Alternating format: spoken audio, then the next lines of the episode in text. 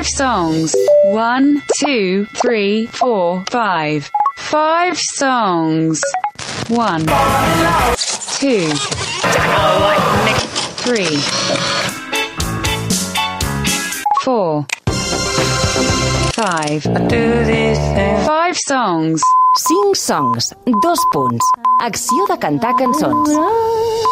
Five Songs, programa de ràdio on Blai Mercè es posa les vides dels músics a la recerca de cinc cançons. Des del 2013. Avui, The Charlatans. Què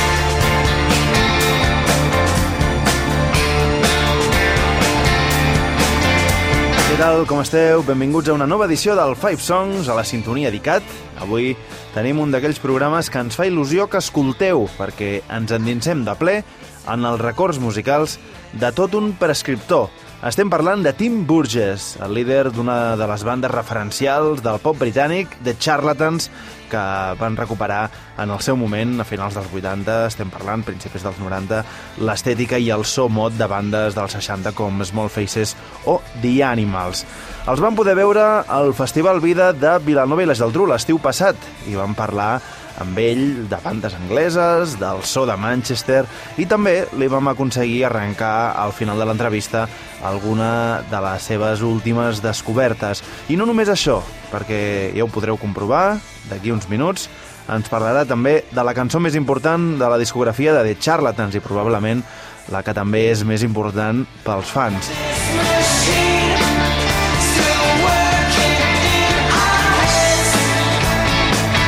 Començat el programa escoltant Plastic Machinery, un èxit recent dels Charlatans, i ara ràpidament d'aquí a molt pocs segons ja escoltem la veu de Tim Burgess. Fins ara.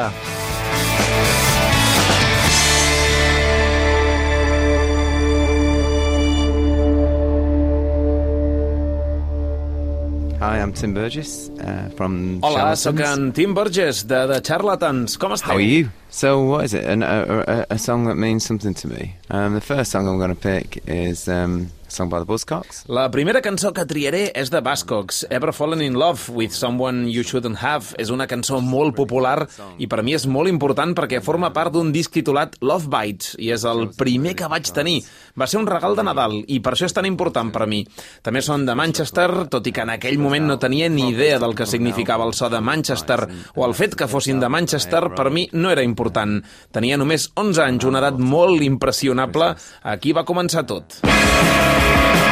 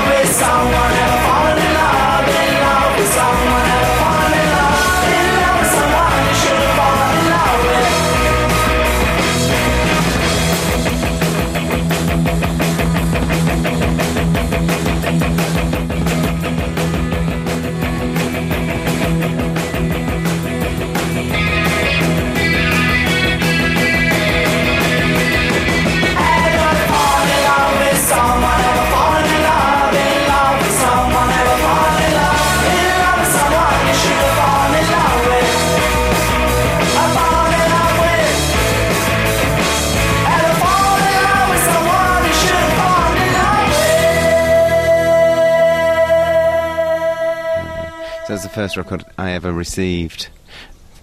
The first record I ever bought was the Great Great Rock and Roll Swindle. Aquest és el primer disc que em va arribar, però el primer que vaig comprar va ser The Great Rock and Roll Swindle dels Sex Pistols, que també va ser important. Jo tenia 10 pounds i recordo que marxàvem de vacances i abans de marxar vaig veure que el disc valia 6 pounds. Vaig pensar, si passo aquests dies sense gastar res, després puc tornar i comprar-lo. Van ser dues setmanes de vacances amb els meus pares i només recordo que pensava en aquest disc en tot moment. I tan bon punt vaig arribar a casa, vaig agafar la bicicleta i vaig anar pedalant fins a la botiga de discos i encara era allà el mateix passadís com si algú l'hagués estat guardant per mi. Pedaled to the record shop and hoped it was still there the whole way. I was just like thinking, say if someone else has got it. No vaig pensar que potser n'hi havia milions a la venda, però em vaig quedar amb aquell. I, I got there and it was there and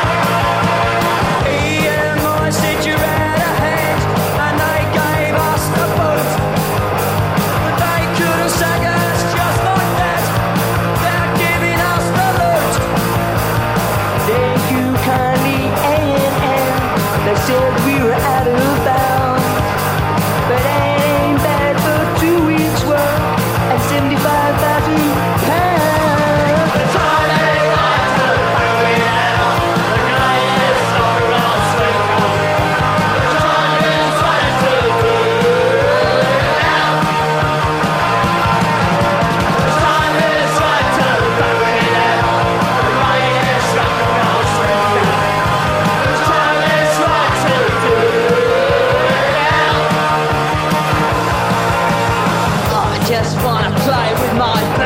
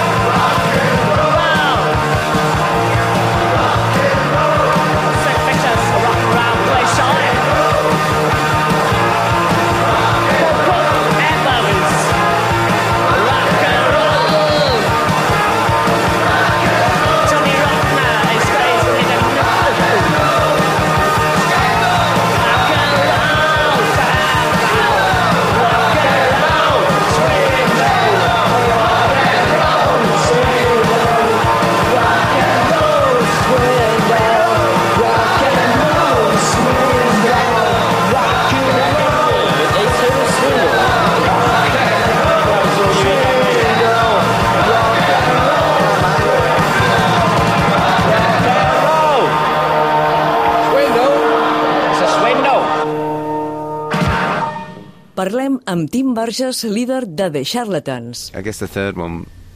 Should I mention Madness, seeing as they're here, or Crec que com a tercer també podria mencionar Madness com uns herois per mi. My Girl de Madness té un dels pianos més emocionants que he sentit i també és molt romàntica. La lletra toca molt. Aquest disc es va colar a les llistes, es va convertir en un àlbum massiu amb hits també massius. Jo tenia 13 anys en aquell moment. Va significar un gran impacte per mi. En Sax és tot un heroi per mi. I mean, Suggs was, Suggs was like a hero, you know. I had my haircut like him and everything.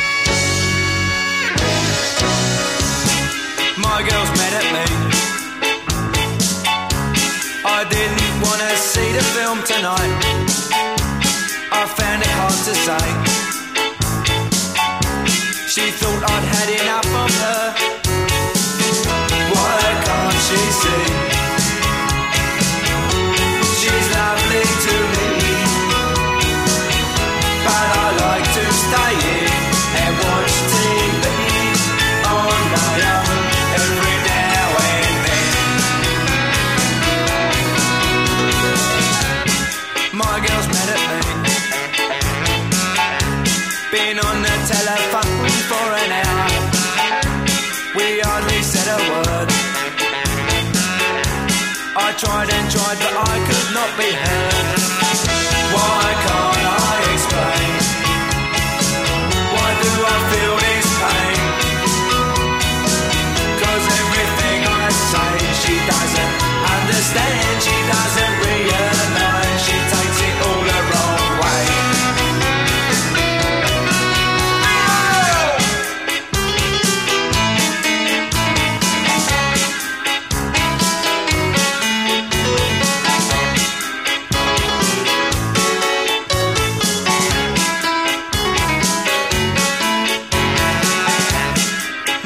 Mad at me.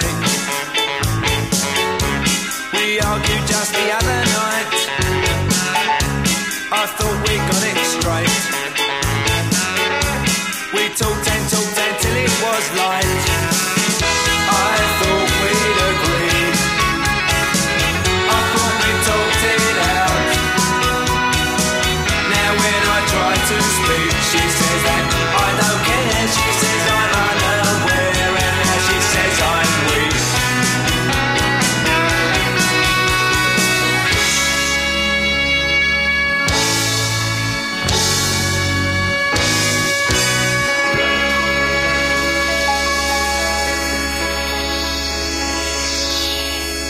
probably would have been uh, Your Silent Face by New Order, which is, um, you know, uh, uh, Imagino que la quarta podria ser Your Silent Face, de New Order, escoltant punk, ska i tot això.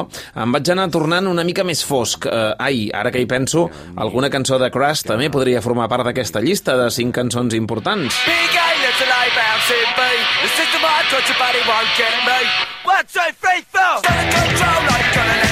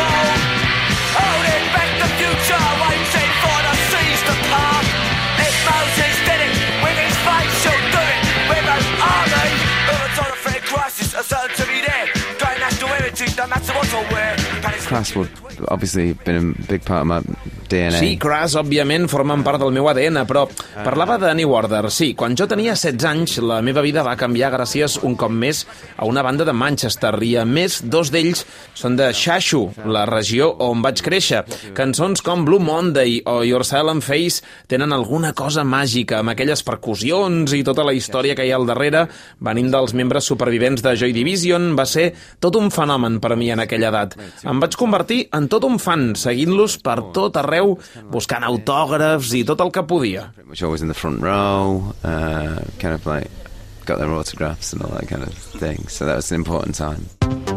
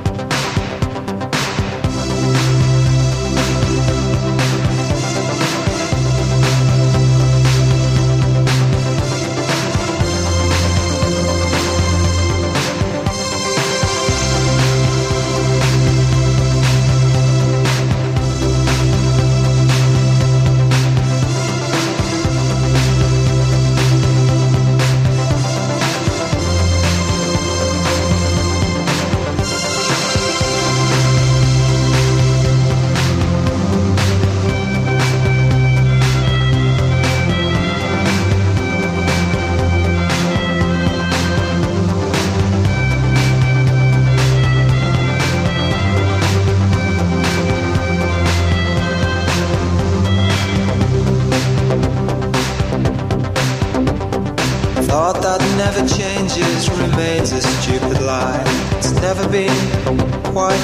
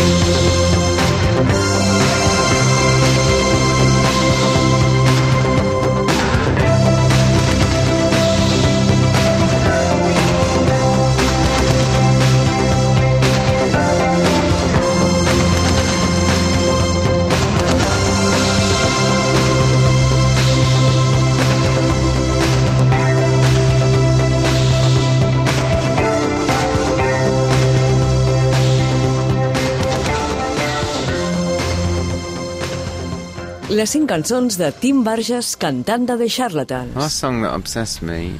Um, Entre les últimes descobertes que he fet, doncs m'han agradat molt els nous discos d'Aldous Harding, de Julia Holter, John Mau, i si em pregunteu per l'última cançó que m'ha obsessionat, la resposta seria Jack Name. Només té dos discos publicats al segell Drag City. Sona molt honest i també molt brut, molt de Los Angeles. very LA.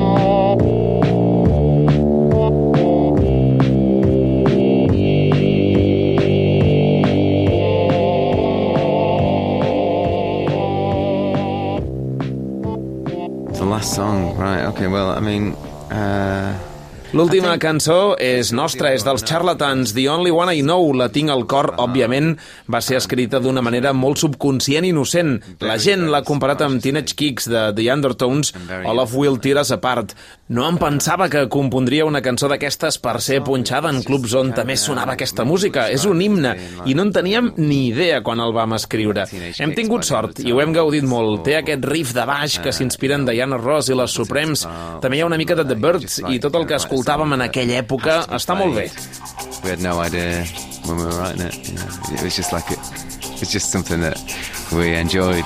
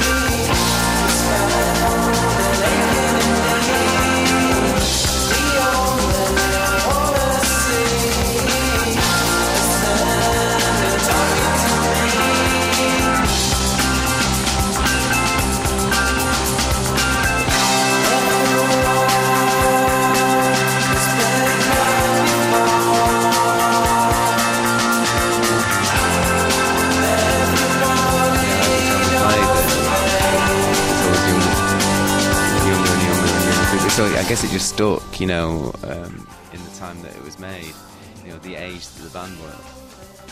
Cada cop que la toquem hi ha gent més jove cantant-la. Teníem 13, 14, 15 anys quan la vam fer al 99 i encara es refereix a aquesta edat actualment. Hi ha gent d'aquesta edat que s'hi sent identificada. Era el mateix que a mi em passava amb cançons dels Beatles o dels Small Faces, com Can't Buy My Love o What You Gonna Do About It. Encara sonen excitants per un xaval de 13 o 14 anys perquè són atemporals. I'm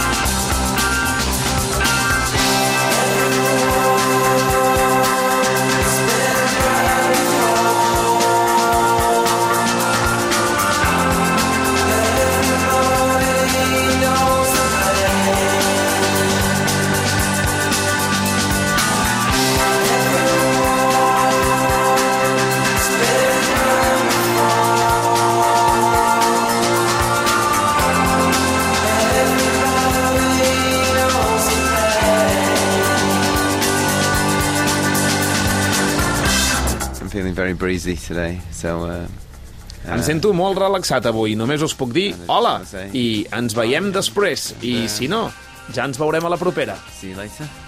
Oh, I don't know when this is going out, but if not, I'll see you next time.